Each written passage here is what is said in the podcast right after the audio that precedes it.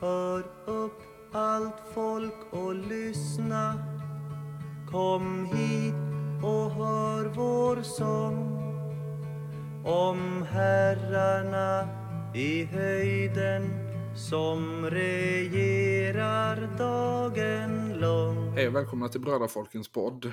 Ytterligare ett avsnitt av den enda nordisk-nepalesiska vänsterpodden. Jag inser nu när jag säger det att det är ju typ, jag vet inte om vi har pratat om Nepal en enda gång sedan sommaren. Eh, nej, jag, jag, tror inte heller det. Och då kan jag väl bara lämna en uppdatering att det bästa partiet i Asien, eh, Jusjesrastiska partiet, har fortfarande inte någon representant i det nepalesiska parlamentet. RIP. Eh, ja, eh, trots detta så kommer eh, sloganen tydligen kvarstå. Ja, nu är det för sent. Ja, vi är för evigt märkta. Ja, nej men eh, vi har alltså ytterligare ett avsnitt framför oss. Vi, sitter, vi sänder som vanligt nästan direkt ifrån den hemliga poddbunkern djupt under Svinesunds vatten. Eh, och jag som pratar nu heter Max och med mig har jag som vanligt Albin. Hallå, hallå. Och Grime. Hallå. Och eh, på ett sätt är det ju ett lite annorlunda avsnitt det här. Eh, det är ju nämligen så att vi... Ehm, det här är det sista avsnittet vi spelar in innan det svenska riksdagsvalet. Och eh, ni som har lyssnat länge på podden, ni vet och för er andra så kommer jag nu att berätta att sättet vi normalt sett gör den här podden på är att vi spelar in en torsdagkväll eh, och sen går vi och klipper den över helgen i och med att vi allihop antingen jobbar eller studerar heltid. Eller ja, nu gör ju inte jag det längre, men vi gjorde det när vi gjorde upp den här, det här systemet. Um, och sen så lägger vi upp det i början av nästkommande vecka. Det är väl i regel på tisdagen numera. Um, men vi bestämde oss för att det här kanske inte funkar så bra när det är ett riksdagsval där under helgen mellan. Uh, och därför sitter vi nu här redan tisdagen den sjätte och spelar Fy fan. in. Uh, så att målet är ju då att vi ska kunna få ut det här tills på lördag. Jag vill inte jag vill inte säga vilket datum det kommer ut på för jag vill inte att vi ska låsa oss men ehm, det, Innan eh, valurnorna stäng- stänger på söndag. Ja, precis. Ehm, det kan ju vara värt att, att nämna det. Just att vi har... Det, alltså alla våra avsnitt har ju några dagar på nacken när det kommer ut. Och ehm, därför kanske inte det här med att, och prata om de senaste nyheterna alltid är så genomtänkt. Så vi försöker väl eh, att eh, undvika det när det är någonting som precis har hänt samma dag. Men eh, nu är det ju då så att vi spelar in det här tisdagen innan valet och ehm, eh, det här avsnittet som då förutsatt att det kommer ut under valhelgen eh, är det ju värt att nämna att det här avsnittet ersätter det som skulle ha kommit ut under följande vecka. Eh, Så det är inte, det är inte extrainsatt, utan avsnittet därefter kommer vi att spela in som vanligt veckan efter valdagen och släppa veckan efter det. Ja. Och om det är som min magkänsla säger så det kommer att ensam sitt med Grime för både jag och Max har, eh, den kommer inte vara anträffbara. Nej, vi kommer att eh, undersöka möjligheten att gräva en bunker på riktigt. Precis. Ja, men innan vi eh, går helt in i dimman. eh, Den här veckan har vi tänkt prata om någonting lite roligare. Eh, Ja, fast jag... Ja, och, för det är ju så att när man tittar på de stora riksdagspartierna i det här valet så blir man ju gärna lite, lite besviken. Deprimerad och arg och ledsen. Ja, det verkar inte finnas någon som riktigt driver de frågorna som vi vill att de ska driva. Eh, inte ens de partier som, som kanske har gjort det tidigare eller som utgör sig för att fortfarande göra det. Eh, så därför är det ju naturligt att leta efter andra alternativ. Mm. Så att i veckans avsnitt så kommer vi prata om några av de andra alternativen. Från början var väl tanken att, åtminstone från min sida, att jag skulle prata om eh, och försöka liksom reda ut vilka partier som är eller inte är potentiellt värda att rösta på. Men eh, det här har urartat sig lite under tiden jag satt nu under eftermiddagen och gjorde research. Så att Det kommer i stort sett bli att jag pratar om ett par partier som man absolut inte under några omständigheter ska rösta på. Så, liksom, så, så tror nu inte du att bara för att Max nämner namnet många gånger, rösta inte på Skånepartiet. Det är en helt bortkastad röst. Ja, Ska, ni, ska ni rösta på någon, på någon som ligger lång, så, så pass långt nere på listan, de är flankerade av SKP och Socialisterna och Välfärdspartiet. De två är inte heller värda att rösta på, men marginellt mer. ja. Ja, alltså vi, det enda lokalpartiet ska vi ju säga nu direkt innan avsnittet ens har hunnit riktigt komma igång som vi kan ge vårt okvalificerade stöd till är ju då Ö-partiet i Ekerö. Ja, och det är mest på grund av den här fantastiska vallåten som de gjorde. Exakt vad de står för vet jag fortfarande inte riktigt, men eh, de verkar Det- vara ordentliga. ja. Vi skiter faktiskt i vad de står för. Ja, lite så. Ehm, Ja, altså, de er sannsynligvis ikke nazister, så da går det fint. Ja, men ungefär. Men eh, innan, innan vi gör det så är det trots allt ett par grejer som jag skulle vilja nämna. Eh, som har hänt ganska nyligen som jag tycker var underhållande. Tidigare idag så kom det ut att ehm, tidningen Expo gjorde en granskning av lokala, lokalpolitiker för SD och det visade sig att deras toppnamn i Järfälla kommun utanför Stockholm har, ska ha skickat bilder i någon form av privat gruppchatt eh, där han skriver om att hänga svarta och mörda somalier. Och det här är ju ganska så, alltså det här är ju egentligen en återkomst av en lite klassisk form av Eh, SD-skandal, det vill säga eh, den med den oerhört skrämmande, eh, eller skrämmande men kanske inte så överraskande avslöjandet som följs av den oerhört barocka ursäkten. Eh, det var ju en, en riktig klassiker under perioden 2010-2014. Vi kommer väl alla ihåg till exempel den här, eh, den här mannen som trodde att eh, äta halalkött magiskt gör en till muslim. Vilket, vilket är sant. Eh, Exakt, du som har jobbat i kommunal verksamhet vet detta. ja, ja, liksom all, alla i Sverige som har gått, gått på en kebab, alltså, alltså på, till, till en kebabgrill är muslim. Ja, Så det, det, det var objektiv fakta. så att eh, efter valet så kan ni besöka oss på vårt, eh, vårt nystartade kebabstånd i Malmö där man beställer alla rätter genom att säga shahadan. Precis. Jo, för att eh, sättet han bortförklarade detta eh, var genom att säga att citat jag är ingen akademiker, jag är en vanlig arbetare, jag är inte politiskt skolad på något sätt. Nej, nej men så är alltså, in, innan jag tog, tog mina första högskolepoäng, alltså jag, det enda jag gjorde var ju att eh, säga, säga att man ska hänga svarta. Ja, alltså det är ju, säga, säga vad man vill om liksom PK-universitetskulturen, men jag tycker ändå att den här, eh, att, att alla som går på universitetet har sju och ett halvt högskolepoäng, inte mordhotar somalier. Alltså generellt. Sen, känns ändå som ganska försvarbart. Ja. Sen, jag tycker eh, det är ändå, spännande att han, särsk, att han särskiljer somalier och, somalier och svarta. För jag har ju senaste veckorna ramlat ner i hålet somaliska nazisttwittare.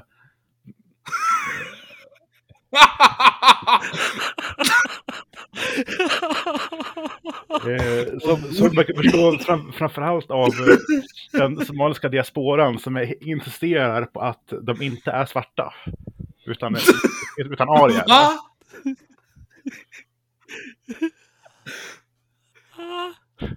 Vad fan?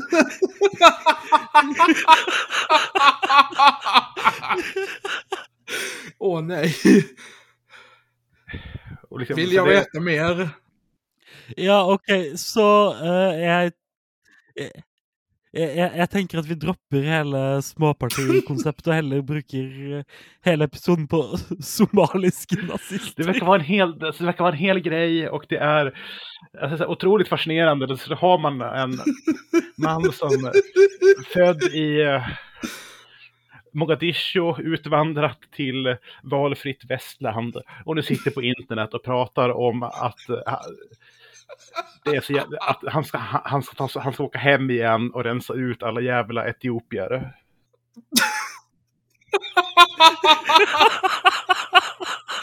Alltså, ja, men alltså jag kan ju tycka ändå att om man ser på hur Somalia ser ut idag jämfört med hur Somalia såg ut på 30-talet. Nu, var det, ju- nu är det ju liksom... Det finns ju liksom andra perioder mellan de två som kanske har haft mer inflytande på det landets utveckling än just avkoloniseringen. Jo, men det är ju det, det är ju bara små detaljer. Men eh, jag förstår ju, jag, alltså, det är ju inte helt oförståeligt hur någon som liksom har sin, sina rötter i Somalia innan italienarna åkte och sen nu tittar på hur landet ser ut idag, att de kanske är lockade till den typen av ideologier. Jo, jo, men alltså nu, alltså, nu, nu, Äh. pratar, nu, nu pratar vi inte om hur nice den italienska kolonial, kolonialstaten var. Nu pratar vi om att man tror att man står på rätt sida i det det stora kriget, arierna mot alla andra.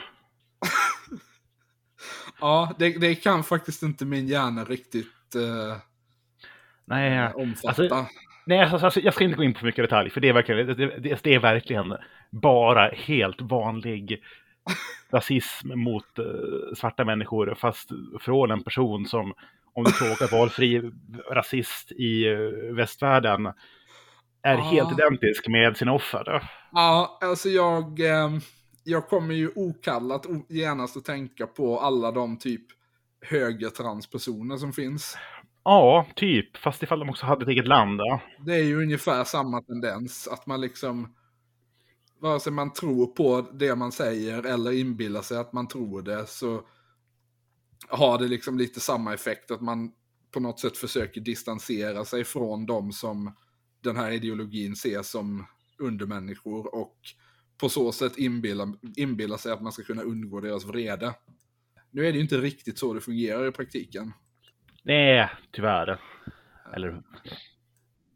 Eh, det, det, det, dette minner meg om en av mine uh, favorittsjangre av tweets, eh, som vi dessverre aldri kommer til å se igjen, eh, i og med at eh, ingen av Vargs in lenger fins. Men eh, Ja, men eh, eh, søramerikanere og italienere eh, som sender Varg bilder av seg selv og spør om, om de er hvite, eh, var, var en greie. Ja. Svaret kommer alltid vara nej, det är du inte. Jo, så klart. eh, men nei, det er altså Jag älskar att de liksom tittar på hans s- søram- Søramerikanske black metal-fans. Jag älskar att de tittar på hans liksom, internetpresens och eh, drar slutsatsen att det här är mannen som ska döma oss. Han här sitter inne med all vishet. Ja, Ja, nei, altså tenk, tenk hvor deprimerende det må være hvis du er altså eh, en argentinsk eh, Bursum-fan som er eh, hellig overbevist om at eh, argentinere er langt hvitere enn resten av Latin-Amerika. Ja, kanske till och med en del av Europa. Ja, Ni kommer väl ihåg där, jag vet inte om det var sista fotbolls-VM eller om det var ett tidigare, men jo, men jag tror det var sista. Eh, när det cirkulerade en massa bilder på internet av det argentinska fotbollslandslaget jämfört med det franska. ja gud, åh nej. Ja, for, for, for, det, for det at Ja. Och folk För- frågade, kan du se vilket av dessa lagen som är europeiskt? Ja, for det at alle de gode franske fotballspillerne er fra tidligere kolonier. Ja. Inte ens det får de Nej, Varg är hård men rättvis. i det, det gamla franska Afrika. Ja, nej. Men ja, eh, det svenske valget.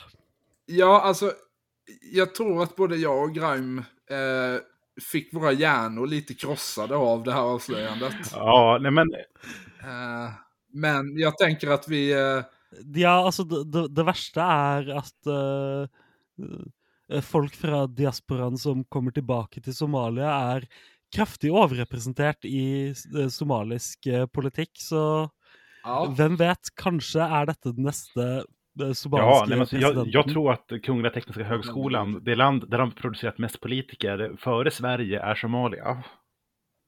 det kan nog stämma. Det, det Somal, Somalia har ju också ett innebandylandslag som är baserat i Borlänge. Det, det, det tycker jag är fint ändå, det gillar jag. Ja, det, alltså jag har ju svårt att säga, säga någonting annat där, absolut. Eh, men eh, ja, för, för att återgå till planerade programpunkter. Eh, jag ska ju nämna lite snabbt innan vi kommer in på dagens huvudämne att eh, jag har också en uppdatering att göra gällande det vi var och eh, pratade med Max om förra veckan. Mm. Just om det här med polisen och polisutbildningen. För jag nämnde ju som hastigast i slutet av det avsnittet eh, efter att ha tillbringat 45 minuter med att recitera vallåtar. Eh, så nämnde jag ju att ehm, de här ehm, eh, det, det här trycket som har funnits inom svensk politik på att med alla till buds stående medel öka antalet poliser har lett till eh, att, att standarderna för polisutbildningen har sjunkit något enormt. Det här har Aftonbladet grävt i. Och eh, tidigare idag så publicerade de en lång artikel med eh, rubriken Polisaspiranterna kan inte ens tanka bilen. Och sen underrubriken Larmet inifrån. Vi måste vara snälla för de är så usla. Ja, jag fick den artikeln delad till och med av en vän som går på Polishögskolan med kommentarerna på, alltså ja, vi, vi äter fan bara kritor här. Ja, eh, det visar sig att eh, standarden på Sveriges polisutbildningar kanske lämnar någonting att önska. Ja, nej, det var, det var en helt fantastisk eh, artikel. Den, den rubriken jag såg, det var, det var, det, det var mest, jag tror det var polisstudenterna är sämst. ja, eh, det är ju bra att vi får en, att vi så här 15 år efter Anders och Måns får en uppdatering av den klassiska frågan vem är sämst i Sverige? Det visar sig att Otto Sjöberg kan andas lugnt, för nu är, numera är det polisaspiranterna. Ja, det, jag, jag, jag, jag vet inte om det är tryggare för någon annan än honom, men här är vi. ja. Um, det är en, en ganska så, som sagt en ganska så utförlig artikel det här. Eh, absolut läsvärd. Jag kommer inte citera hela. Det jag däremot kommer citera ehm, är ju en, en lista med eh, missförhållanden som de citerar från en, en av lärarna på polisskolan. Eh, och då är det den första. En student körde på en fotgängare utanför polisutbildningens lokaler. Istället för att göra rätt för sig och kolla hur det gick gav studenten fotgängaren en utskällning och sen åkte studenten därifrån. Det är ju väldigt starkt. Det. Ja, nej, men det känns ju som en rätt så... eh, Det känns som han är redo att bli polis. Han har mentaliteten. Ja. Nu slår det mig i och för sig att det står inga pronomen i några av de här fallen, så att vi kan inte utgå från att det var en man, men... Nej, vi, vi, vi, får, vi får vara öppensinniga där. Ja.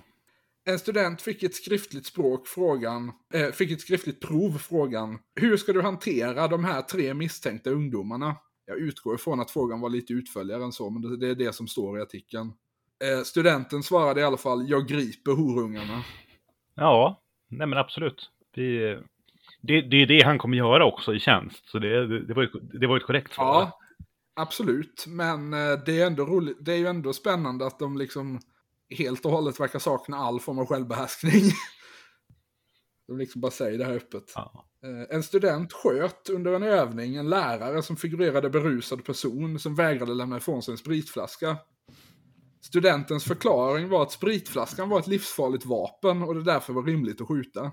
Ja, nej, men alltså, Det jag funderar på här är ju om, om det här liksom är, om man menar för att de kan slå sönder den och sen gå till anfall, eller om de försöker göra någon form av djup och eh, mångfacetterad kritik av alkoholmissbruk. ja, alltså det är bara ur en ren professionell och självisk synvinkel.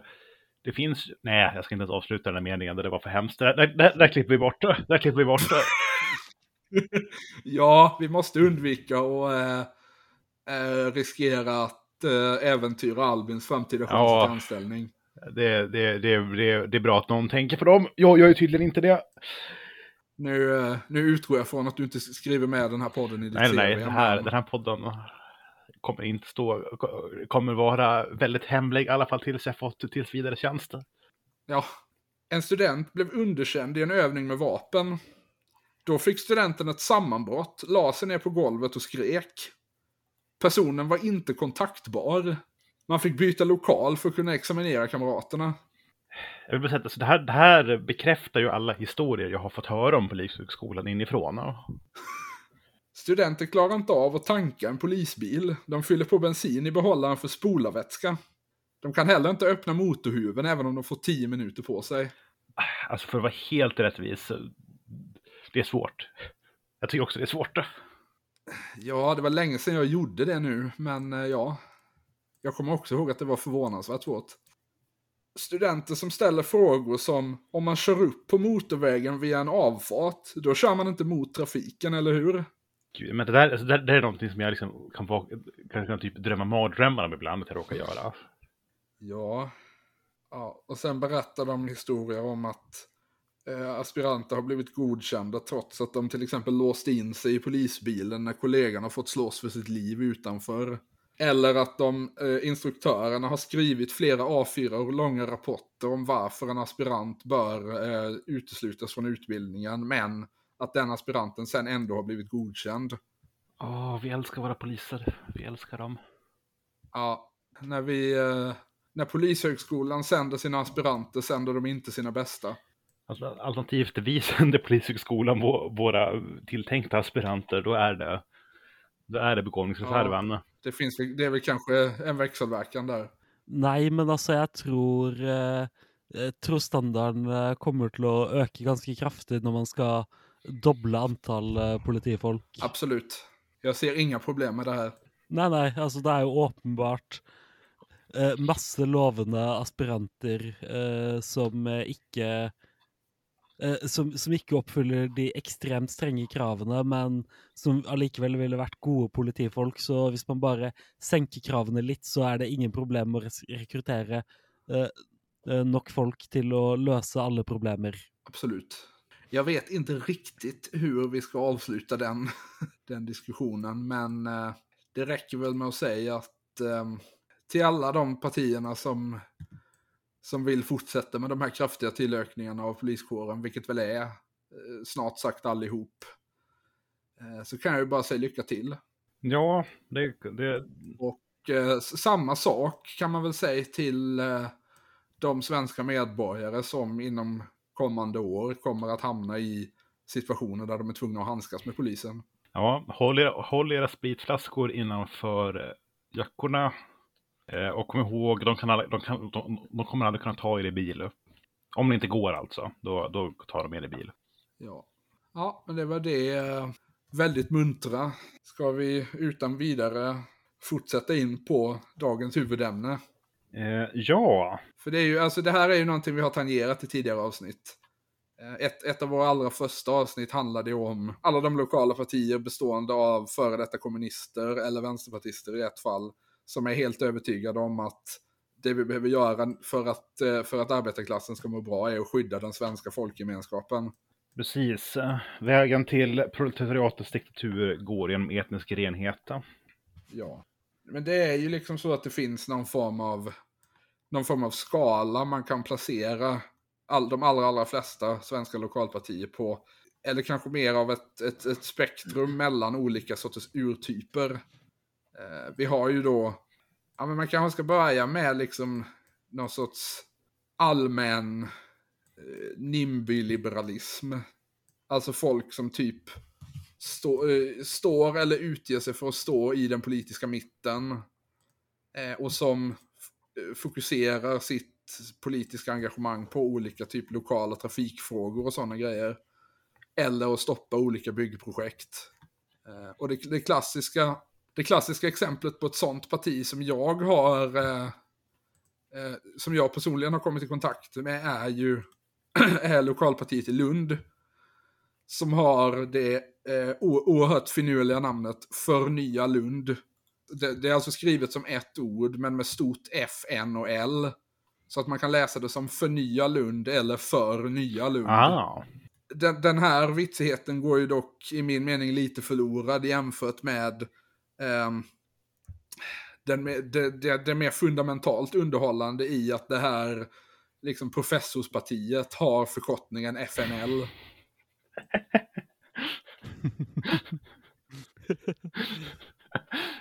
luft, luftvärnskanon till Förnya Lund. Ja. ehm, Det här partiet grundades 2014 inför kommunvalet det året.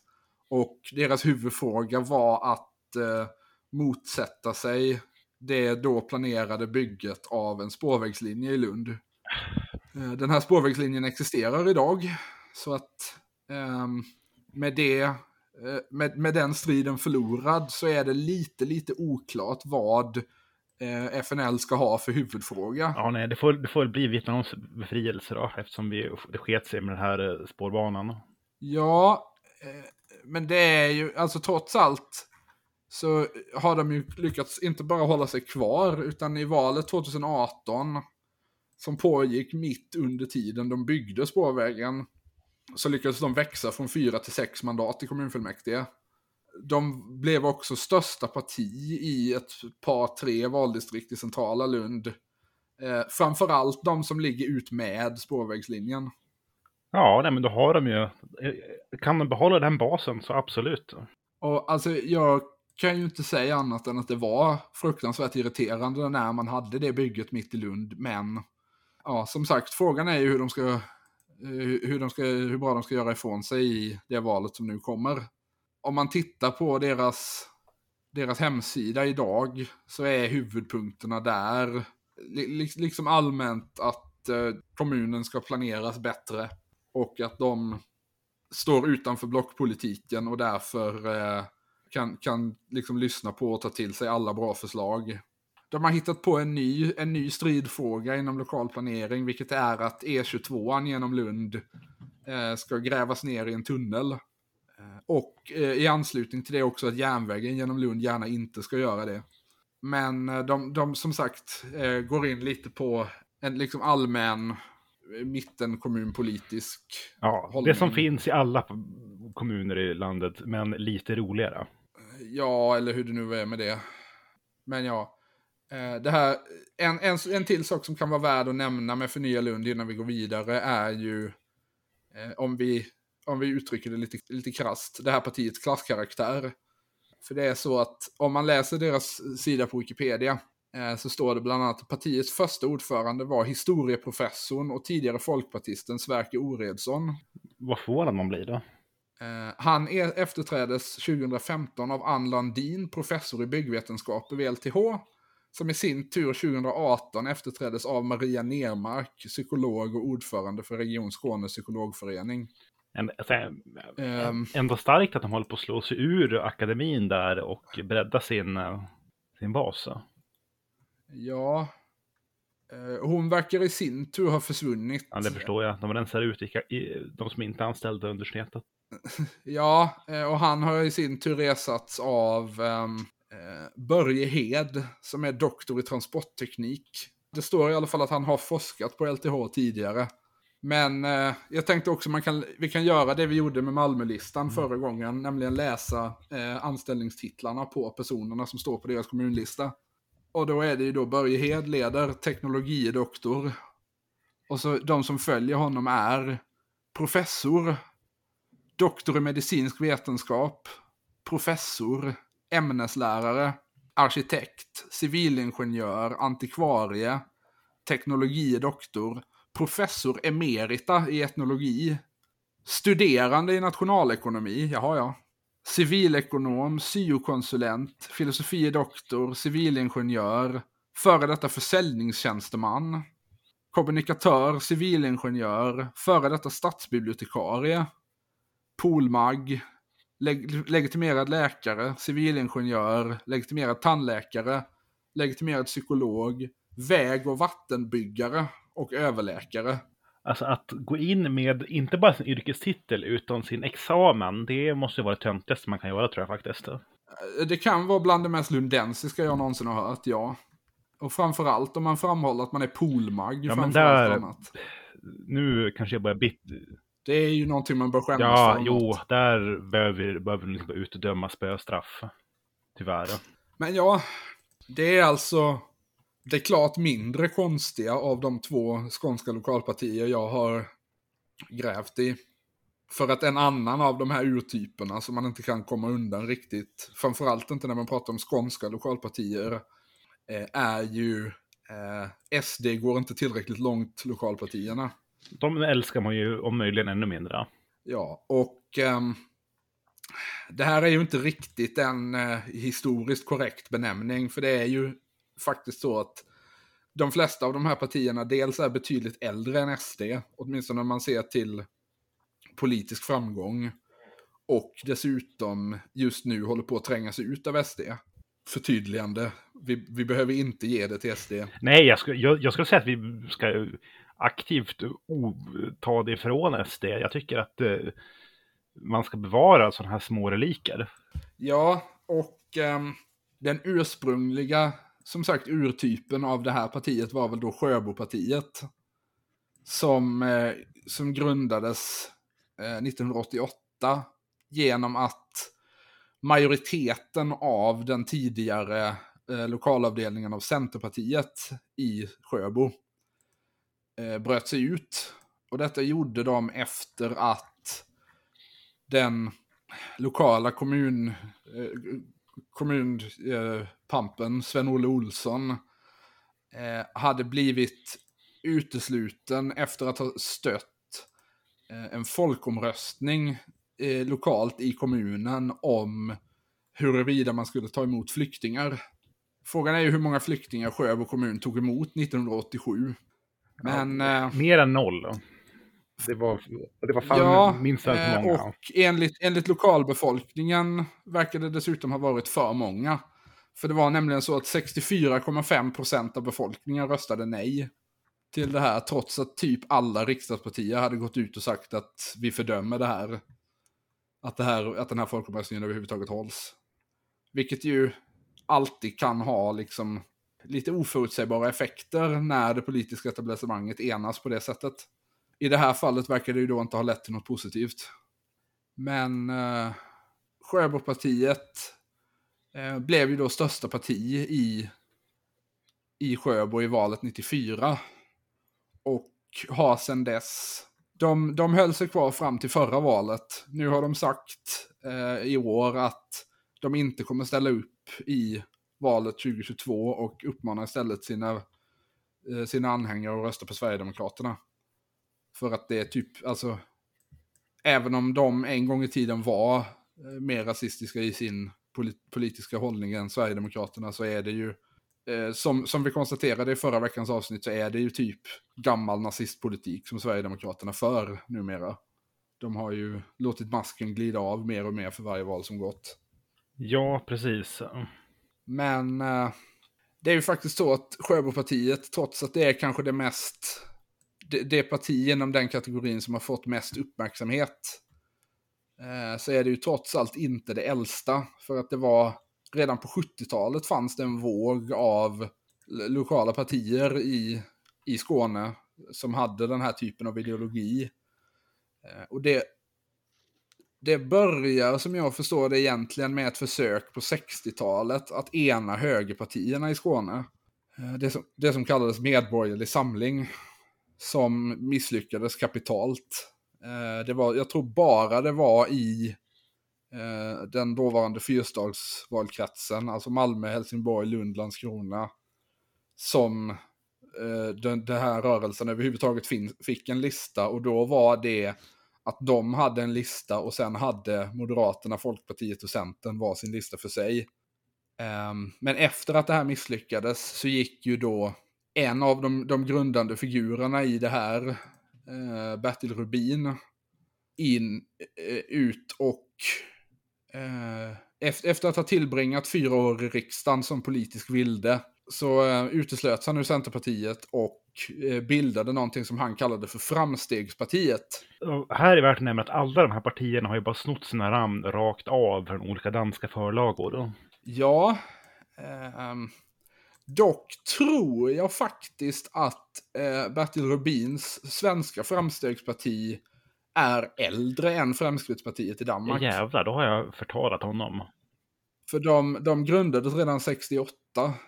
Så att, ja, jag vet inte om det rent av kan ha varit så att Mogens Glistrup stal sitt partis namn från dem. Jag tror väl i och för sig att det är osannolikt, men chansen finns. Men ja, diskuterar vi nu fr- Framstegspartiet så måste jag ju nämna en annan av mina, eh, ska vi säga problematiska favoriter inom den sortens svensk politik, eh, nämligen Tony Wiklander. Ja, han är ju legendar. Han är legendarisk. Ja. Ja, av ett lite, lite otippat skäl. Han är nämligen, skulle jag förmoda, den svenska politiker, eller, eller en av de svenska politiker som har suttit eh, på folkvalda förtroendeposter för flest olika partier. Eh, han är född och uppvuxen i Göteborg, eh, flyttade 1971 till Åstorp för att ta över som chef på ett äldreboende där. Valdes redan 1974 in i Åstorps kommunfullmäktige för Socialdemokraterna. Någon gång under 70-talet eh, gick han över till vänstern och bröt sig därefter ut från vänstern och bildade sitt eget lokala parti som han kallade för Löntagarpartiet. Jag har väldigt dålig koll på vad det här partiet egentligen stod för, men om jag skulle gissa utifrån hans senare karriär så var de typen föregångare till de här brunhögerpartierna. Ja, jag, jag tror också det. Han, eh, han, han fick i alla fall en propå från Framstegspartiet inför valet 85 när de hade haft ett, ett totalt sammanbrott på riksplan. Eftersom att deras Stockholmsavdelning ville börja ett samarbete med den nynazistiska gruppen Bevara Sverige Svenskt. Eh, vilket ledde till att de grundade ett parti som hette Sverigepartiet, som sen eh, i sin tur upplöstes eftersom deras ledning inte ville gå samman med Bevara Sverige Svenskt. Vilket ledde till att de uteslutna medlemmarna av Sverigepartiet eh, gick ihop, då till slut gick ihop med Bevara Sverige Svenskt och bildade ett nytt, en ny politisk organisation som de kallade för Sverigedemokraterna. Eh, ett parti som vi aldrig senare fick höra talas om och som helt försvann ur svensk politik. Och, och för det är vi alla lyckliga. Ja. Hur som helst, eh, Tony Wiklander gick, eh, gick över till det här framstegspartiet och blev deras partiledare en kort period. Blev sen utesluten ur det partiet och bildade sitt eget lokala parti som han kallade för kommunal demokrati. Detta var någon gång i början på 00-talet, så han hade suttit i kommunfullmäktige för Framstegspartiet. Åtminstone, ja, för Framstegspartiet från 91 och tidigare för Löntagarpartiet på 80-talet. Han, han bildade i alla fall det här nya partiet som tydligen kallades i folkmun för Streckpartiet eftersom de inte fick ta med det i officiella protokoll. Eh, utan istället då eh, satt som partilösa, vilket betecknas med ett streck. Jag har inte lyckats hitta några källor på det här, men förra gången jag gjorde en djupdykning i Tony Wiklander lyckades jag hitta information om att han på något sätt i sin tur lyckades bli utesluten ifrån kommunal demokrati. Alltså partiet han själv egenhändigt grundade för att kringgå sin uteslutning ur Framstegspartiet. Vilket jag måste säga, på något sätt är jag ändå trots allt lite imponerad av det. Jo, absolut. Väldigt, väldigt, väldigt starkt. Ja, eh, jag och mina, liksom, liksom, mina sektmedlemmar har är inte överens längre. Jag, jag är utesluten ur sekten. Ja, och han försvinner lite från, eh, från den politiska kartan i ett par år, men sen kommer han tillbaka igen 2004. Eh, när det visar sig att han har gått med i Sverigedemokraterna och genast blivit invald i deras partistyrelse. Svar, ja, det, det, det var svagt till och med av SD, måste jag säga. Att de inte såg vad som helst skulle hända sen komma. När de, när de kom in i riksdagen 2010 så stod han på 19 plats på deras vallista. Sverigedemokraterna fick 20 mandat. Eh, så han, han blev invald, han satt en mandatperiod för um, eh, från Skåne läns västra, alltså den valkretsen där inte Åstorp ingår, men en ganska stor del av, eh, eller ett antal kommuner som ligger i närheten. Eh, och sen ett, en period efter det för Västra Götalands västra, vilket alltså är den valkrets där han är född och uppvuxen. Sen är jag lite, alltså jag vet inte riktigt vad som har hänt med honom eh, efter att han eh, lämnade riksdagen 2018. Men eh, jag kan väl hoppas någonstans att han numera är medlem i Liberalerna. Det hoppas man ju för både han och Liberalernas skull. Det skulle göra mig väldigt glad om det var så. Jo. Men eh, ja, vi ska inte spekulera i det så mycket. Eh, utan jag tänkte istället att vi skulle prata om en annan av eh, de, de mest profilerade excentrikerna i Skånes lokalpolitik. Eh, nämligen Carl P. Haslov. Ja, är det han? Som är och sedan 1979 har varit eh, partiledare för Skånepartiet. Sveriges mysigaste rasister. Ja, alltså. Det här är ju då för de som är, är lyckliga nog att inte bo i Skåne och inte vara medveten om dem. Eh, så är de ett parti som typ är för skånsk självständighet. Eh, det är inte den frågan de i första hand driver. Utan de två politiska frågor de i första hand driver, och vi kommer komma in lite mer på detta framöver, är dels att um, etermedia ska släppas fritt. Vilket det gjorde i början på 90-talet, så de har inte sådär jättemycket att prata om där längre. Eh, och dels att eh, i, i, genomföra ett totalförbud mot islam.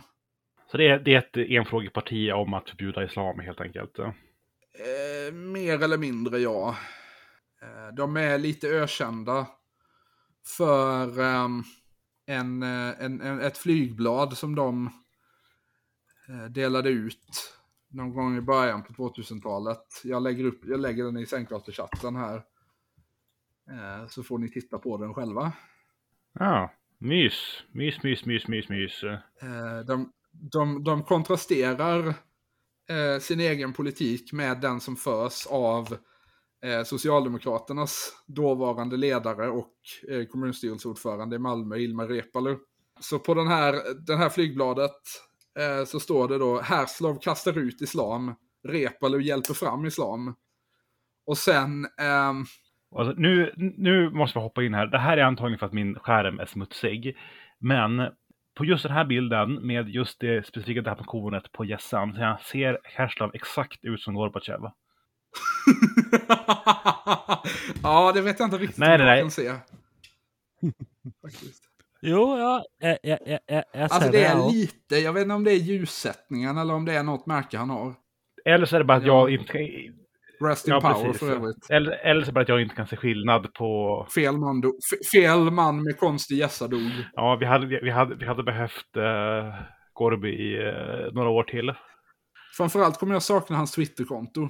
Du, nu, har jag, nu har jag någonting att kolla upp sen efter vi har slutat inspelningen. Nej, nej, har jag. Ja, alltså man kan ju säga att Mikael Gorbatjovs Twitterkonto är eh, mindre underhållande i sig än det faktum att han har ett där. Eh, hur som helst, den här, eh, den här kontrasteringen mellan Haslov och Reepalu är i alla fall bara halva den här affischen. Eh, för att till vänster om den så är det en no, någon form av karikatyr av en äldre man med svart hår och helskägg och eh, ja, det finns inget rumsrent sätt att säga det här, stor jävla hängkuk. Eh, som håller i ett barn. Eh, och så står det under Mohammed med hustru, han 53 och hon 9. Är det sådana bröllop vi vill se i Skåne? Nej. Skåne står det med stora bokstäver av lite halvt oklar kan, Kanske i Halland, men fan inte i Skåne. ja, och sen så står det då under, hjälpsamt nog, Skånepartiet kritiserar samhällssystemet, islam, återigen med stora bokstäver, aldrig människorna som tror på den hemska vidskepelsen. Och sen i väldigt finstilt under, islam, inte människorna som tror på den hemska vidskepelsen, avlägsnas med den här affischen av ingen annan än Skånepartiet som därför exklusivt äger upphovsrätten till verket. Ja, nu steg ju Skånepartiet lite, liksom, nu fick jag lite mer respekt till dem, för det är det enda partiet i Sverige som håller på med, magi. Åh, du store, du kommer att, ja, vi kommer gå in på det här. Um, för att det är ju intressant, dels att de, tro, de liksom verkar underförstå i den här beskrivningen att affischen i sig kommer göra så att islam avlägsnas. Eh, och dels att de tycker att de behöver skydda sig från folk som eventuellt skulle kunna stjäla den här otroligt starka grafiska designen de har. Ja, och jag tror dessutom att de, de kan inte copyrighta Ilmar Reepalu. Han, han är... Det, det kan bli svårt. Alltså, vilket kommunval det nu var så de lyckades ju inte besegra honom, nej. nej. Eh, även om det ju faktiskt är så att eh, det Skånepartiet brukar betrakta som sin största bedrift var att de i kommunvalet 1985 eh, lyckades få, de kom in, de fick fem mandat i Malmös kommunfullmäktige. Eh, och lyckades på så sätt eh, upphäva den vänstermajoritet som hade funnits i Malmö kommunfullmäktige sedan den allmänna rösträtten infördes. Ja, men där, där ser, nu blir likheterna mellan Herslov och Gorbatjov ännu starkare. De har aktivt bekämpat eh, den globala arbetarrörelsen. Just det. Jag lyckades bland annat hitta, de, de har naturligtvis en hemsida, skanepartiet.org, där man kan hitta en massa olika grejer. Eh, den är inte speciellt varken användarvänlig eller modern, den här hemsidan, men eh, det finns bland annat en sida där du kan gå in och eh, läsa lite om eh, Haslovs biografi. De skriver bland annat citat, det är en viktig framgång för yttrandefriheten att åklagaren lagt ner förundersökningen mot Carl P. Haslov för misstänkt hets mot folkgrupp. Nu kan Skånepartiet fortsätta avislamiseringen av Skåne och därefter Danmark, Sverige, resten av Europa och till slut hela världen. Säga vad man vill om Skånepartiet, men eh, de är ambitiösa. Jag syns det är intressant att de ska avislamisera Danmark för Sverige. ja, de, de ser väl att de, kanske att de har bättre chans där. Jo, ja. De har lättare att få medhåll.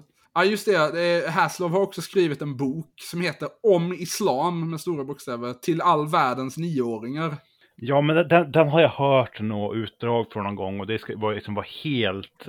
Alltså att han, typ, han, han glömmer bort mer eller om att han skriver både till barn och om islam. Så det blir mycket ältande om olika rättstvister han är med i. Ja, det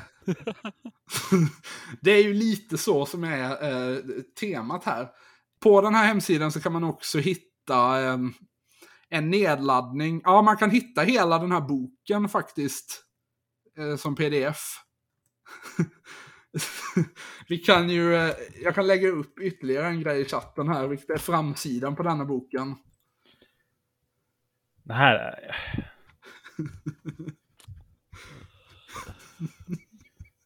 Men så det här, det är jag, kom, jag kommer inte över att det här är en väldigt stark typ 2009 New 80ism-stuk över det hela. Ja, han är ju, han var ju lite före sin tid där. Eh, den gode Haslov, på ganska många sätt faktiskt.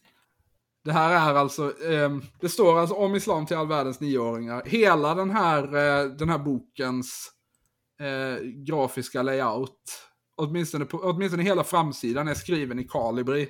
Alltså eh, Microsoft Words standardtypsnitt. Och sen under rubriken så är det en väldigt, väldigt, ett väldigt, väldigt utklippt par bilder på en jultomte och en ängel. Eh, och sen texten, Koranens innehåll finns inte. Det påstås ha kommit från en verklig ängel, men sådana finns inte. Alla nioåringar vet att det inte finns några verkliga tomtar. Vad vet nioåringarna om ängeln Gabriel? Eh, och sen under det, alltid mot islam, aldrig mot muslimer. Jag vet inte hur övertygande han är på den punkten. Nej, alltså, jag vet inte om det har mer att göra med att, liksom, att det här var något fix det han har för att kunna undanröja sig från alla eventuella anklagelser om rasism. Eller om man faktiskt behövde, behövde skriva så på 80-90-talet. Ja, jag vet inte. Eh, som vi har konstaterat så har han ju varit lite fram och tillbaka i domstolen Delvis eh, på grund av HMF-anmälningar men också av eh, lite andra grejer. En annan grej man kan ladda ner från deras hemsida är eh, deras partiprogram. Som, kom, som är från år 2000 men tydligen fortfarande verkar vara gällande. Eh, de har i alla fall inget nyare partiprogram upplagt. Så att vi kommer, jag kommer utgå ifrån att det som står i det här 41-sidiga dokumentet eh, är vad som gäller för deras åsikter. Det här partiprogrammet börjar med en kort historik över partiet. Som i sin tur börjar med en, ehm, en, en stencilkopierad, eh, ett stencilkopierat diagram ifrån en bok. Eller en rapport som heter The Limits to Growth. Som eh, kom ut 1972. Eh, och som beskriver hur det, det minskan, den minskande mängden resurser i världen kommer att leda till att befolkningsökningen, eller kombinerat med befolkningsökningen kommer det att leda till att en global resurskris som i sin tur kommer leda till att eh, den mänskliga befolkningen eh, börjar minska igen. Det här är ju en, en grej som återkommer lite nu och då i lite alla möjliga politiska kretsar som eh, mig förståeligen inte stämmer. Det finns ingen som helst sanning till de här teorierna. Det var typ, det, det gick typ att tro på så- 70-talet men inte sedan dess. Skulle han bara hitta på saker menar du? Eh, ja, hur det än är med det så är det det här som anges som den huvudsakliga anledningen till att eh, Skånepartiet grundades. Eh, hva, hva, hva er sammenhengen mellom dette og islam? Jo, det är så att Carl P. Hasselhoff bodde under 70-talet i Holland. Naturligtvis, roten till all ondska. Och han jämförde hur den här rapporten granskades i holländsk media jämfört med svensk. Eh, Och drog slutsatsen att den svenska, den svenska socialistiska regeringen tvingar en åsiktsmässig likriktning mellan all media som kommer att leda till att det svenska folket indoktrineras in i socialismen. Ja, nej, man, man kan ju förstå att det gått åt helvete när han flyttade till Holland. Ja, ehm, så att när han kom tillbaks till Sverige i slutet på 70-talet så... Ehm, eller först försökte han att få Folkpartiet att driva hans åsikter och ehm, verka för att ehm, det statliga mediemonopolet skulle, upphöra, eh, skulle upphävas. Men efter att de kom till makten 1976 och inte gjorde det så bestämde sig Haslow för att han behövde vara sin egen bästa dräng och starta ett nytt politiskt parti som skulle driva den här frågan. Exakt hur det här blandas ihop med skånsk självständighet ser jag som lite oklart. Eh, utan jag tror att det är så att de drog slutsatsen att det här, allting det här de ville skulle vara enklare att göra om de inte var bundna till resten av Sverige. Ja, Så att nej, absolut, absolut. Så att hur, hur det än är med detta så grundade de det här partiet 1977. Eller de grundade det de kallade för Skånerörelsen 77. Och sen blev det ett politiskt parti 1979. De gjorde skitdåligt ifrån sig i sitt första val. Men eh, efter det så kom de på att, eller det, det, parallellt med att de grundade sin politiska rörelse så fanns det också en stark, ett, en, en stark lobbyverksamhet ifrån frikyrkornas sida att eh, Sverige skulle tillåta så kallad närradio. Det vill säga små radiostationer som kontrolleras av olika föreningar eller som i det fallet då kyrkor som kan sända i ett, ett begränsat område. Och det här bestämde sig Skånepartiet för att de skulle snappa upp och de startade då sin egen närradiostation 1982. Sättet de finansierade driften av den här radiostationen var genom att Haslov samtidigt eh, var redaktör för en, reklam, en, en gratis reklamtidning som skickade, skickades ut till alla hushåll i Malmöområdet. Det här ledde till en tvist i, mellan honom och Sveriges Radio i regeringsrätten som han förlorade. Där de, de, de bestämde sig för att även det här räknades som reklamfinansierad radio. Skånepartiets, lokal, Skånepartiets närradio lyckades dock kringgå det här på något vänster. Och eh, sist jag kollade så sänder de faktiskt fortfarande. Eh, så att bor du i Malmö eh, och vill höra de sjukaste sakerna du någonsin har hört i ditt liv så kan du fortfarande rätta in 89,2 MHz vardagar mellan 9.30 och 17. Eh, och så kan du lyssna på Skånepartiets närradio. Jag har faktiskt, jag har hört den en gång och det var för att det var en busschaufför som hade den på när han körde. Ja, nej men alltså om jag, om jag, om jag ska åka buss i Malmö, då vill jag ju ha Skånepartiets här radio på. Faktiskt. Det, Det, det, det, det lägger till någonting. Ja. Och det här var ju inte en av busslinjerna som går genom de extremt muslimska delarna av Malmö. inte? Nej, så att ehm, på det sättet så var det väl aningen mer försvarligt än vad det hade kunnat vara i andra lägen. Men eh, ja, för att eh, fortsätta diskutera Skånepartiets politik. Jag lyckades hitta ett blogginlägg från 2014 där eh, en, en man som heter Jonas Birgersson, som jag inte vet någonting om, skulle kunna vara så att han är superhöger, det vet inte jag. Eh, han verkar inte ha varit speciellt aktiv på varken sin blogg eller på Twitter sen typ 2016. Eh, så att det är svårt att säga vad han skulle kunna stå för. Men han gjorde i alla fall ett blogginlägg där han granskade deras valutskick inför då kommunvalet i Malmö. Nu, nu, nu, nu slog Skånepartiet ut Max. Det var det ni hörde. Nej, eh, jag, jag tappade mikrofonen.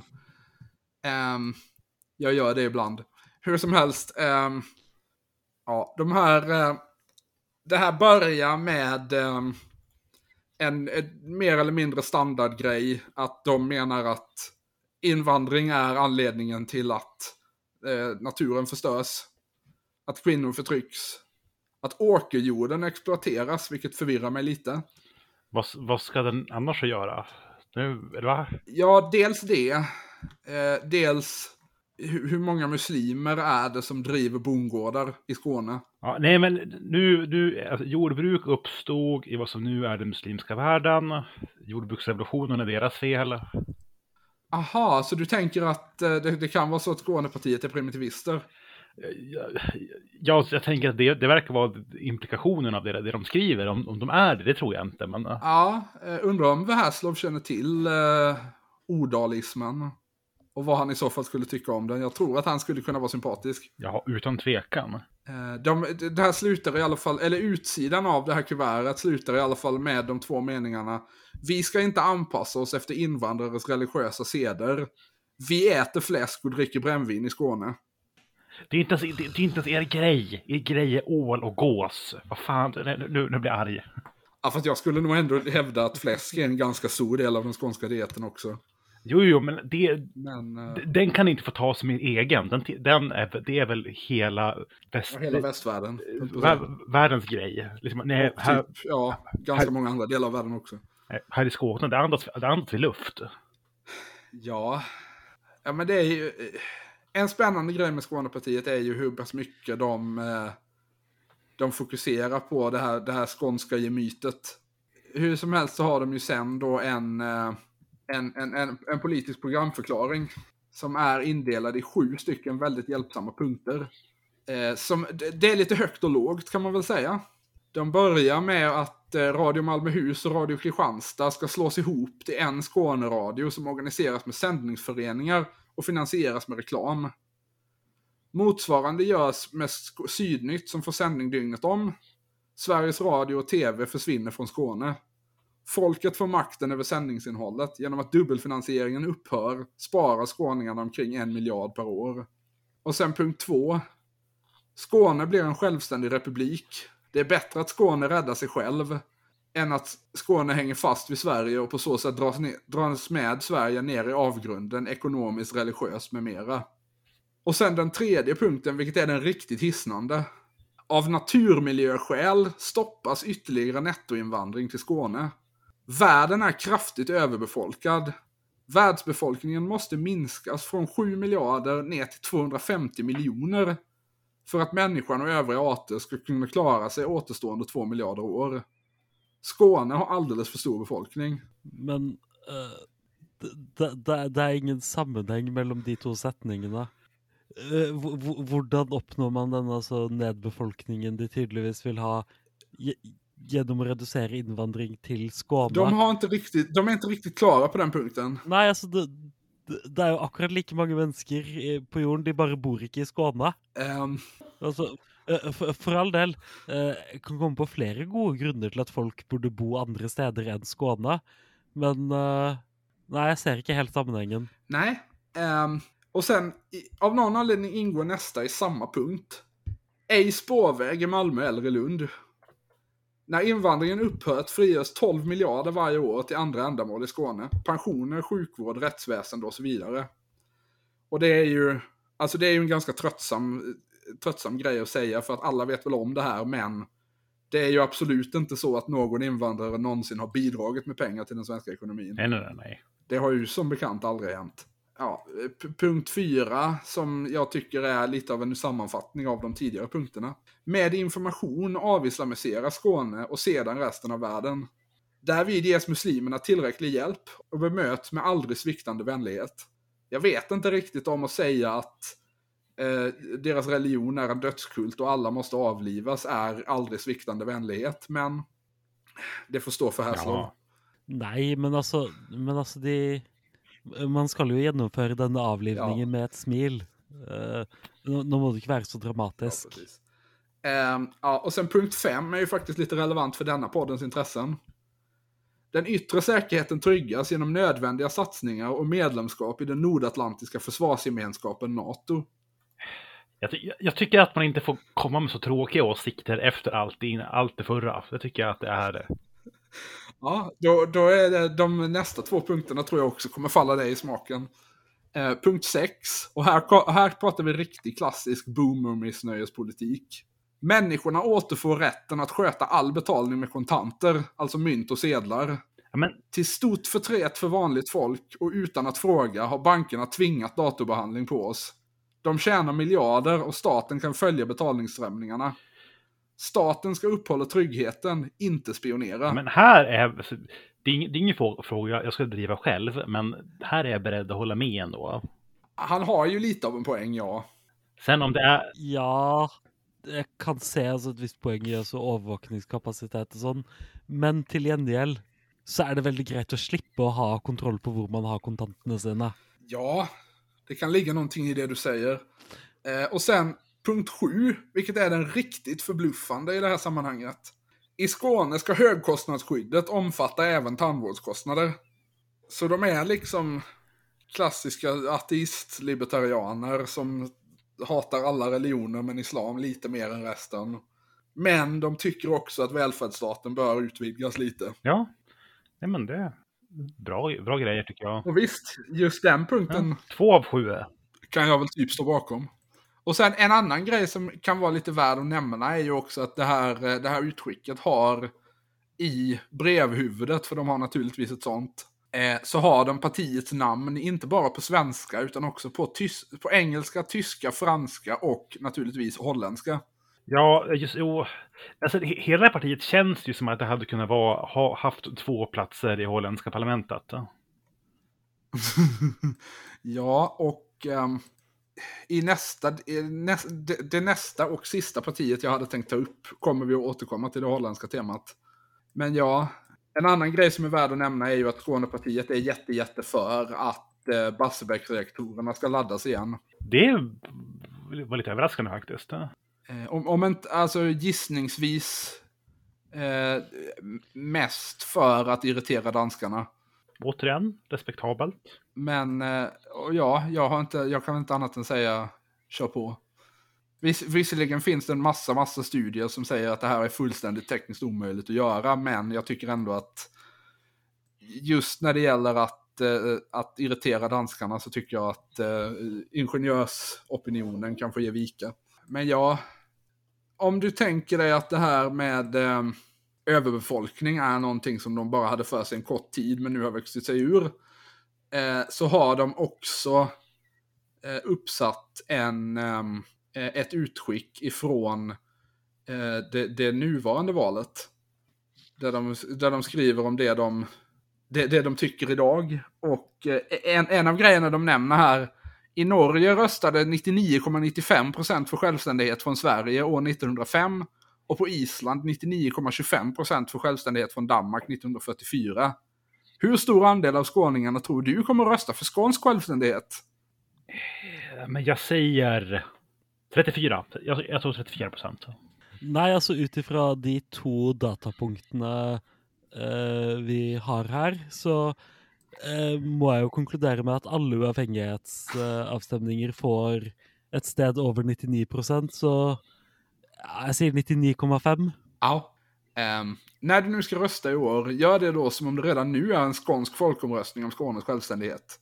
Då stoppas också planerna, och det är nu det verkligen börjar komma igång här, att de kommande fyra åren börjar dra spårväg i Malmö för de andra partiernas folkökning i Malmö med målet 500 000 invånare år 2047. Även Sverigedemokraterna går in för folkökning, fast lite långsammare än de övriga. Ett röst, en röst på de övriga partierna är alltså sämre än bortkastad. De är den är direkt skadlig. Så att deras, deras stora grej är alltså i år att eh, försöka förhindra att Malmös folkmängd ökar. Ja, men det har, jag- det har jag väl förstått är också eh, Malmö SDs grej att eh, få ner befolkningen lite grann.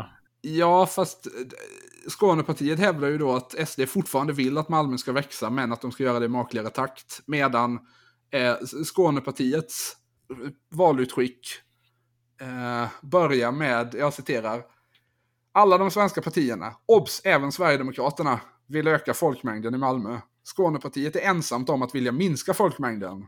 Här är redan för många i vår stad. Minskning av antalet sker under 72 år genom absolut stopp för invandring och enbarnspolitik med ekonomiska styrmedel. Ner till samma folkmängd som stan hade år 1950. Då var Malmö trivsamt. Det är den globala folkökningen som är orsak till skövlingen av tropikernas skogar. Ja, så nu vill de alltså genom att stoppa all invandring till Malmö och dessutom införa en enbarnspolitik. Ja, okej, men alltså här, här, här har de i hvert fall et vi- virkemiddel. Så her har de et virkemiddel som faktisk henger sammen med uh, overbefolkningsproblemstillingen Ja. de snakker om. Uh, Ettbarnspolitikk vil jo da faktisk ha det effekt. Absolut. Eh, veldig for sosialisme med skånske karakteristikker. ja, man var inte riktigt beredd på det, eller hur? Nei?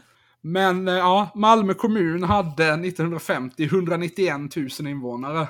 Hur, hur, många har ni nu? 350 ungefär. Ja, jo, nej, men det blir... Jag kände, att få ner det bara med enbarnspolitik kan ta ett tag. Ja. Ja. Eh, och de, vill, de menar dessutom att om vi får ner Malmö under 200 000-strecket så kommer detta också leda till att regnskogen i Brasilien räddas. ja, nej, men en, enbarnspolitik sa- i Sao Paulo också kanske. ja. Sao Paulo-partiet. Vi får, eh, vi får sponsra ett visum för Haslov så han kan flytta till Brasilien. Ja, det är, det är många med hans efternamn som har behövt dra till Brasilien. Ja, hans efternamn och politiska åsikter. Jo. Jag tror han skulle kunna känna sig hemma där. Eh, Ja, sen säger de också att eh, ett självständigt Skåne får egen rösträtt i FN, NATO och EU. Ja, just det. Egen rösträtt i NATO, ja. Det har redan de tre baltiska staterna. De vill inte vara underhåll, underställda Ryssland och Skåne vill inte vara underställt Sverige. Nej, och precis som Estland så kommer Skåne behöva dras med en 30-40 procent av befolkningen som är etniskt svensk. ja, på baksidan av den här, den här A4-pappret som jag antar att det är. För att alla, man ska ju säga det eftersom det här är ett ljudmedium. Jag har ju visat er som är med i podden eh, hur Skånepartiets grafiska profil ser ut. Men för er som inte har de här dokumenten framför sig, så alltså det bästa sättet att beskriva det som är väl att de ser ut som om de är gjorda på Eh, att det är liksom Microsoft Word-dokument gjorda på en dator som fortfarande kör Windows 98. Vilket förmodligen är ungefär vad de är. Så att på baksidan av det här så har han saxat ut till synes tre olika mätningar som allihop visar att 50 eller 51 procent säger att de vill att Skåne ska bli självständigt. Eh, det som visar sig är att det här är tre olika urklipp eller tre olika saxningar från samma folkomröstning på Skånska Dagbladets hemsida. Med några timmars mellanrum. Ja, Skånska Dagbladet som alltså är liksom lokaltidningen för de delar av Skåne som inte är Malmö. Alltså liksom stereotypt sett är det liksom den tidningen bönderna läser. Eh, De har i alla fall tidigare haft formella kopplingar till Centerpartiet. Jag är lite osäker på om de har det fortfarande. Eh, Men det här citerar, den här om, omröstningen på deras hemsida citerar han då alltså tre gånger bredvid varandra som bevis på att det finns opinion för skånsk självständighet. ja nej, men man tar det man har. Eh, Och sen har han också lagt med en, en insändare han skickade in till, Svenska eller till Sydsvenskan. Huruvida han fick den här medtagen i Sydsvenskan är lite oklart. Det, det står väldigt tydligt att den också finns på deras hemsida, så min gissning är att svaret på den frågan är nej. Men eh, där pratar han i alla fall om att eh, han vill ha en skånsk, han vill att de ska börja fira skånsk självständighet, eller fira en skånsk nationaldag. Eh, och att det, det, istället för att som Kristdemokraterna vill lägga ner regionerna så vill han att de ska stärka Region Skåne och göra den till kärnan för en framtida skånsk självständighet. Ja. Eh, vad är det man säger? Hur, hur, hur säger man det på svenska? Eh, dual power ska, ska han bygga i eh, landstinget. Ja, just det. En dubbelmaktstruktur. Jo. All makt åt regionerna. Ja, men ungefär så är det väl. Nu inser jag här att jag har pågått, jag har malt på i nästan en och en halv timme. Ja. det har du. Um, jag hade tänkt prata lite om partiet Nyans också, men hur var det, hade ni grejer ni ville prata om? Ja, jag hade ganska mycket, men jag tror jag, men jag, tror jag väntar med det Ja. till någon annan gång. Ja. Ja, jag, jag, Ja, eh, eh, parti, partiet Nyans var för så vidt et av partiene jeg hadde lyst til å snakke om, så ja, vi kan väl dra dem lite snabbt innan vi avslutar då. ja. Eh, Partiet Nyans är alltså, ja, det, det grundades 2018 av en tidigare centerpartist som heter Mikael Yüksel. Som har, som har turkiskt påbrå. Han är född och uppvuxen i Turkiet. Ja. Eh, han var, 20, i, eller det var tänkt 2018 att han skulle vara deras toppkandidat till riksdagen i Göteborg. Men han blev utesluten ur partiet. Efter att det visade sig att han hade kopplingar till Grå Vargarna. Som han hade dolt. Och efter att det här hade kommit fram så grundade han då partiet Nyans. Som är ett parti som enligt dem själva ska verka mot all form av etnisk diskriminering etnisk diskriminering som i det här fallet då innebär att påpeka att en man har samröre med en fascistisk organisation som han har samröre med. ja. Försvara en mans rätt att utrota eh, främmande, fol- eh, främmande folkelement i eh, östra Anatolien. Ja, ehm, han har fått frågan tidigare om han erkänner det armeniska folkmordet. Eh, och då, det, enda han, det enda svaret han gav då var att han, han, han stod bakom alliansens eh, beslut att rösta mot det i riksdagen för att de inte tyckte att det var riksdagens plats att avgöra. Så att så pass, eh, Ja, så pass konkret svar har vi fått av honom Ja. kring vad han tycker om det armeniska folkmordet. Eh, sen har han tydligen också eh, skrivit debattartikel i Expressen under tiden som Nagorno-Karabach-kriget pågick. Eh, där han uttryckte sitt stöd för Azerbajdzjans invasion. Ja, men vad fan, låt dem fol- folk mörda lite tillbaka. Ja, nej, verkar, verkar vara en tre, trevlig typ rakt igenom. Ja, och eh, det här partiet eh, driver också på ganska mycket det som eh, jag tror åtminstone du Albin har nämnt eh, i all korthet i tidigare avsnitt om eh, diverse konspirationsteorier kring den svenska socialtjänsten Mm, att vi som beslagtar, förekommer i muslimska länder. att vi, vi stjäl muslimska barn. Eh, Ja, ungefär.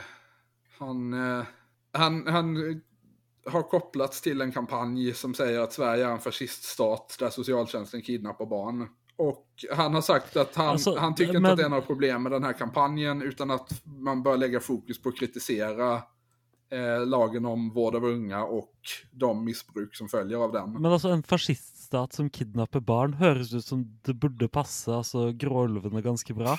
Jo, men alltså vi, Ja, precis. Vi återvänder till det turkiska folkets traditioner. ja, nej, men alltså, vi gör det ju inte ut efter panturkiska grunder. Det, det är där som problemet ligger. Ja, just det. Eh, Ja, och ehm, de har försökt rekrytera kandidater och ställa upp i diverse...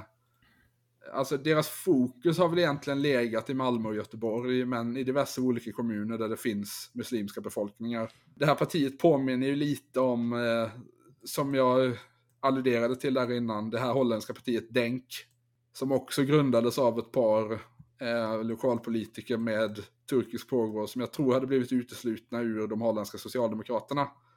Om jag minns rätt. För att de typ inte kunde sluta prata om hur mycket de älskade Erdogan. Ja, och då, nu, nu, nu du tycker i och för sig inte jag heller att blandningen holländsk socialdemokrati och eh, rättvise och utvecklingspartiet, det låter så jävligt så bra, men det är ju bättre än blandningen Centerpartiet och, och vargarna. Ja, det får man väl ändå säga va. Jag tror de hade som uttalat mål vid något tillfälle att de skulle försöka nå 12% spärren i Malmö kommun. Så att de skulle kunna få riksdagsmandat där. För er som inte vet så funkar ju det svenska valsystemet så att i grund och botten så ska du ha 4% för att komma in i riksdagen. Men om du inte kommer upp dit så kan du fortfarande få mandat i en enskild valkrets om du får 12% där. Ja, och där, och, och där tror jag de enda, enda som kom nära var något lokalparti i Norrbotten. Ja, det skulle inte förvåna mig. Eh, Jag vet att det har funnits eh, diskussioner vid olika tillfällen på Gotland om att starta något lokalparti där.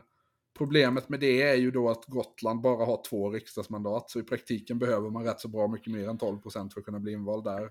Men ja, de här kandidaterna som de har rekryterat för att försöka nå upp till det målet eh, har ju då visat sig vara eh, lite sådär, kan man väl säga. Som, Eh, diplomatiskt. ja, som är det att de typ inte finns.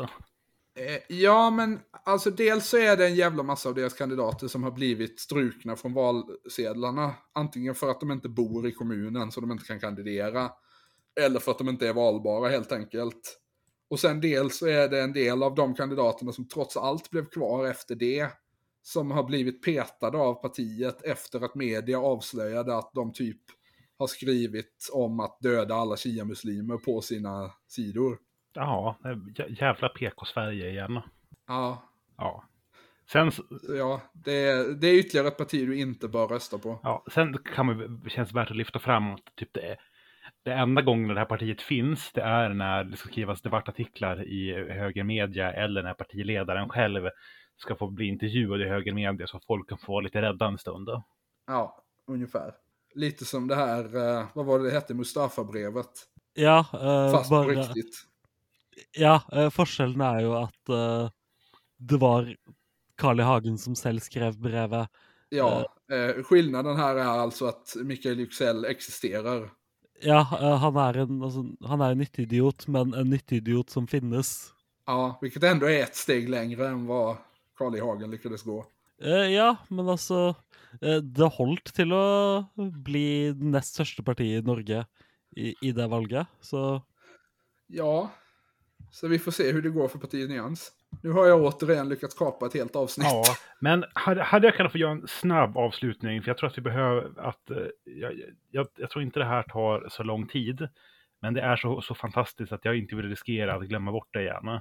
Ja, visst. Eh, För det här, Mer om de somaliska ja, ja nej men precis, det här är, det, det är inte fullt så bra, men eh, eh, varje år så ställer partiet Sverige ut ur EU, slash Frihetliga Rättvisepartiet, och, nu- och sen, sen inom parentes FRP, eh, Ja, perfekt. uppe. Inga kommentarer. De fick eh, 200 röster i EU-valet 2014 och det var väl där de pikade lite grann. Ja, Som, som politisk kraft fullständigt orelevanta. Eh, men 2014 inför riksdagsvalet blev de intervjuade av Aftonbladet som hade en serie om småpartier. Och det här är bland det starkaste jag läst i svensk media. Den är ganska kort, så jag tänker bara dra den rakt upp och ner. okej. ja. Eh, Efter man alltid får många handskrivna röster är det svårt, är det svårt att räkna. Men de 212 rösterna i årets EU-val var en stor framgång för partiet som existerat sedan 1995, berättar eldsjälen Bernt Bäckström, 43. Eh, Redan det är ju, ja. Ja, 2010 hette ni Frihetliga Rätts- Rättvisepartiet, FRP, för ett demokratiskt och folkstyrt Europa utan EU-byråkrater. Varför bytte ni? Eh, Jaha. Och då sv- svarade Bernt Bäckström. Ja, folk visste inte vad, vad, vad vi stod för. Om man säger klart vad man vill på valsedeln så vet man. Eh, sen tycker jag väl att Det är ju i och för sig sant, Ja, men... eh, det, får, det, ja. det, får, det förra namnet var väl om möjligt ännu tydligare. Ja, altså, det forrige navnet var jo et helt jævla partiprogram i navnet. Precis, tydligen så Ja. blir det inte. Det var... Är ni, samma, är ni samma parti som norska FRP? Vi har ingenting med dem att göra. Ingenting. Vi är, inte, vi är inget högerparti på det Vi sättet. tar bestämt avstånd från detta ytterlighetsparti. Och då, då, då har varit att nämna att i alla inkarnationer så heter det här partiet, har det här partiet förkortningen FRP med det namnet. Då. Så det, det, det inbjuder, ni, det inbjuder ju vissa eh, möjligheter till att dra en sorts liknelse mellan dem. Viss spekulation, ja. Vad är, vad är det för sorts parti? Har du, har du hört talas om Juan Perón? Ja! Ja! Svenske parodister! Ja! Elsker det! Enligt vårt sätt att se behövs inte Vänsterpartiet och Moderaterna. Eh, Varför då? Ja, De två specifikt. varför då? Ja. Ja, vi, vi står dels för, för traditioner, att det är fint med ett försvar, ett kungahus, men vi tycker också att man ska hjälpa fattiga. Moderaterna står för traditioner, men vill inte hjälpa fattiga. Vänstern vill hj- hjälpa fattiga, men inte stå för traditioner. Vad går ni till val på? Eh, Sverige ska lämna EU. Bättre nationell försörjning på livsmedel. Det var ju, som vi vet, så var ju Juan Perón hela sitt liv hängiven Ja, ja. EU-skeptiker. Eh, levande landsbygd och fler, fler lantbrukare. Energiskog ska omställas till livsmedelsproduktion. Avskaffa livsmedelsfabrikerna. Återställ hagmarken. Förlåt, energiskog omställas till livsmedelsproduktion. Jo, jag vet inte om det är han som säger saker som inte går ihop eller om jag bara är för, är för urban för att förstå det han säger. Menar han att vi ska börja äta barkbröd igen, eller? Ja, jag, jag, jag tror det. För att det känns ju inte som att rätt, alltså jag, skulle jag gissa så rätt mycket av den marken man odlar energiskog på, odlar man energiskog på för att det inte går att odla någonting annat. Ja, det låter som att du ställer emot uh, Bernt och Perons vision här. Eh, Ja, Ja. Det visar sig att jag, jag stödjer i själva verket den argentinska militärjuntan. ja. Eh, det här låter som ett, som ett lantbruksparti. Ofta är det folk som tvingas sälja sin gård som röstat på oss. Alltså folk som varit lantbrukare och inte kan rösta på Centern. Det känns det ju ganska bra att de pikade på ungefär 200, att det inte var så många som tvingats. Du, du gillar inte Centerpartiet. Det är ett obehövligt parti. Det representerar rika bönder. Idag finns, Ja. idag finns lantbrukare som har kanske 50 kossor men tvingas ha två, hel, två extra jobb för att försörja sig.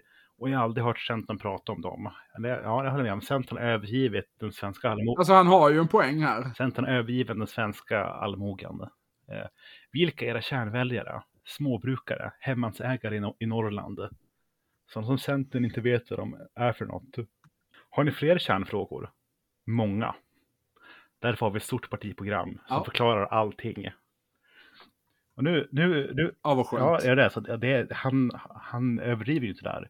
Hur tjockt är partiprogrammet? Över 2800 sidor.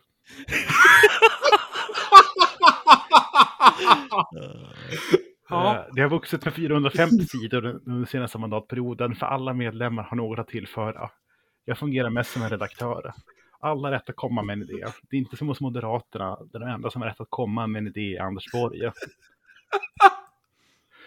Eh, vilka kan ni tänka er att bilda regering med? Ja, trots allt Centern. Det är ett, ja, Annie Lööf, det, som vi vet så finns, det, så finns det fyra partier i Sverige. Det är Centern, Vänsterpartiet, Moderaterna och sen de här. ja, Annie Lööf hade varit en bra vice statsminister. Ja, det, här, det, här, det här provocerar in- intervju, intervjuan lite Han grann. tillbringar halva intervjun med att skita på Centerpartiet och sen frågar de vem vill vi regera med? Och då säger han, ja ah, det får nog bli Centern. Ja, men det är ju jättekritisk mot Centern. Ja, de är bättre än Moderaterna som inte förstår landsbygden alls. Fast Eskil Erlandsson borde försvinna. Han är mer kock än minister. Han borde starta... Vänta lite här. Vänta lite här. Han tycker att Centerpartiet är bra för att de förstår landsbygden bättre Ja. än Moderaterna. Ja, Men han tycker också att de borde peta den enda, med, den enda högt uppstående medlemmen som står för den traditionella liksom, landsbygdsfalangen. ja, för att han är mer kock än minister. Han borde starta restaurang eller bli generaldirektör på Livsmedelsmärket. En sorts överkock. Idén med Matlandet är inte helt fel, men proportionen har gått överstyr och sen är intervjun slut. Alltså, jag vill ju säga här.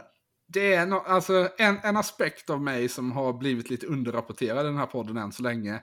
Är att jag är ett gigantiskt Eskil Erlandsson-head. Ja, nej, då, då, Eh, jag tycker han var den, den bästa ministern i regeringen Reinfeldt. Och anledningen till att jag tycker att han var det var det här som han kritiseras för i den här intervjun. Att han tillbringade hela sin tid som landsbygdsminister med att eh, driva en kampanj som hette Matlandet Sverige då.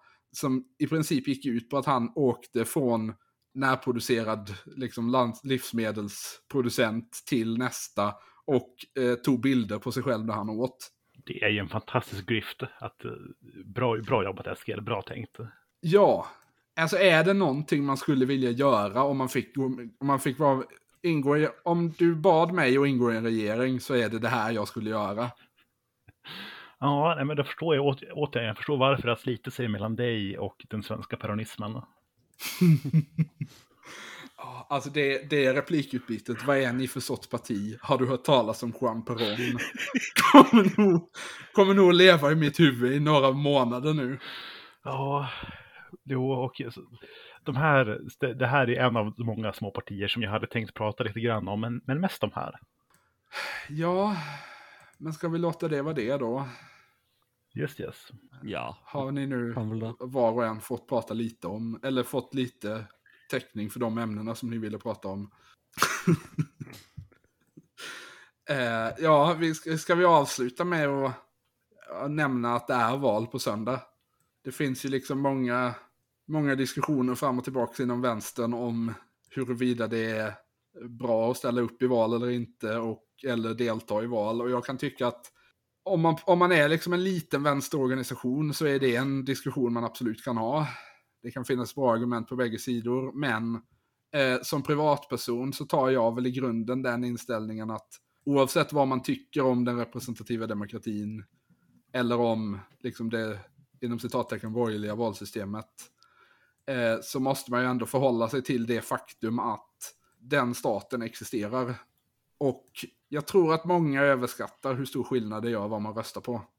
Och vilken regering vi har. Alltså vi har ju, trots allt har ju vi som är vänstermänniskor haft rätt så ordentligt med grejer att klaga på under de här sista åtta åren som vi på pappret har haft en vänsterregering i Sverige. Men jag skulle ändå säga att det vi har är bättre än en regering som aktivt stöds av före detta nynazister. Före detta, före detta. Nu ska vi inte vara generösa. Ja, jag är ju all, aldrig en som säger till andra människor vad de ska göra, men eh, har du rösträtt som lyssnar på det här i Sverige så gå och rösta. Jag tänker inte säga åt dig vad du ska rösta på för att jag har ingen som helst trovärdighet i den frågan. Nej, men vi, vi, vi instämmer där. Eh, rösta om inte annat för att det gör moderater arga att du gör det. Ja, Ja, eh, eller altså kanskje du finner et eh, eh, et artig lokalparti som ikke er like eh, forferdelig som noen av de vi har snakket om her. ja som sagt, om du bor i Ekerö, rösta på Ö-partiet. Ja, det virker gøy. Eh, Eh, om du bor i eh, Sollentuna, rösta på Mia. eh, bo, Eh. bor du i Värmland, eh, stem på Fria Värmland, for det at eh, et uavhengig Värmland vil være langt enklere å annektere. ja, vi uppskattar också sättet de stavar Värmland på i sitt namn. Ja, eh, det, så vidt jeg kan se er det kun de som gjør det med W i hele Sverige. Eh, ja, Nya Värmlands Tidning gör det också. Ok. Ja, ap- Tror jag. Apropå dem, nu han, nu han, han fick ju aldrig prata om partiet Nya Värmland. Ah, Men ja, det kan bli så att det blir del två av detta det nästa kan bli vecka. det. Då hinner, så, så, så, så, så kan man ta upp den självständiga välfärdskonfederationen Värmland. Ja, altså hvis valgresultatet er deprimerende nok, så, Så kanske vi får göra så så. kan vi jo heller gjøre det.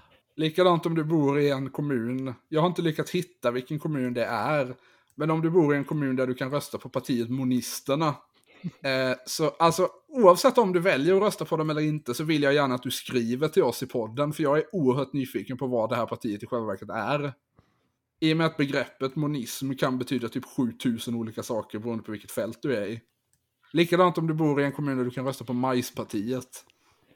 Eh, eh, Ikke stem på de, de er revisjonister som støtter eh, Khrusjtsjovs eh, landbrukspolitikk på å dyrke mais i Sibir.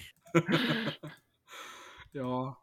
Eller, eller partiet John Mikkonen. De, Det här partiet heter alltså inte partiet John Mikkonen, det heter John Mikkonen. ja, eh, jeg leste litt om det. Det er bare en fyr som vil eh, avvikle politikk og ha et rent teknokrati. Och där, Ska han ta över då Eh, eller? nei, nei eh, man bare lar eh, byråkratene gjøre som de vil. Ja, coolt. ja, men det, det, Jag ser, ingen, jag ser inget sätt det här kan bli problematiskt på. jag, känner, jag, jag, jag tycker det ändå känns skönt att någon har så, att någon har så mycket förtroende för mig. Det, det uppskattar jag. Eh, Ja, just det. Alltså som blivande kommunalbyråkrat så kanske man ska, kanske man ska hålla sig lite Ja, eh, altså set, sette pris på tillitserklæringen. o- obestämd i den frågan än så länge. Ja, Eh, Men nu innan vi klickar in på två timmar, nu tar vi avslutar podden för idag. Så ses vi på andra sidan valet. ja det tycker jag. Ja. Vill du köra avslutet också Albin eller? Ja, nej men du har lyssnat på Bröda Folkets podd. Jag är inte van att avsluta det här, men vi, eh, vi hörs. Ja, det gör vi. Ha det bra. Fröna växer sakta under ytan. De trivs där det är fuktigt, mörkt och kallt. Först när bladen börjar synas kan man se att det är ogräs överallt. Men om man tittar bort, inget hör, inget ser. Hur vet man då? För hör man inget finns väl ingenting. Och det man inte ser finns säkert inte till.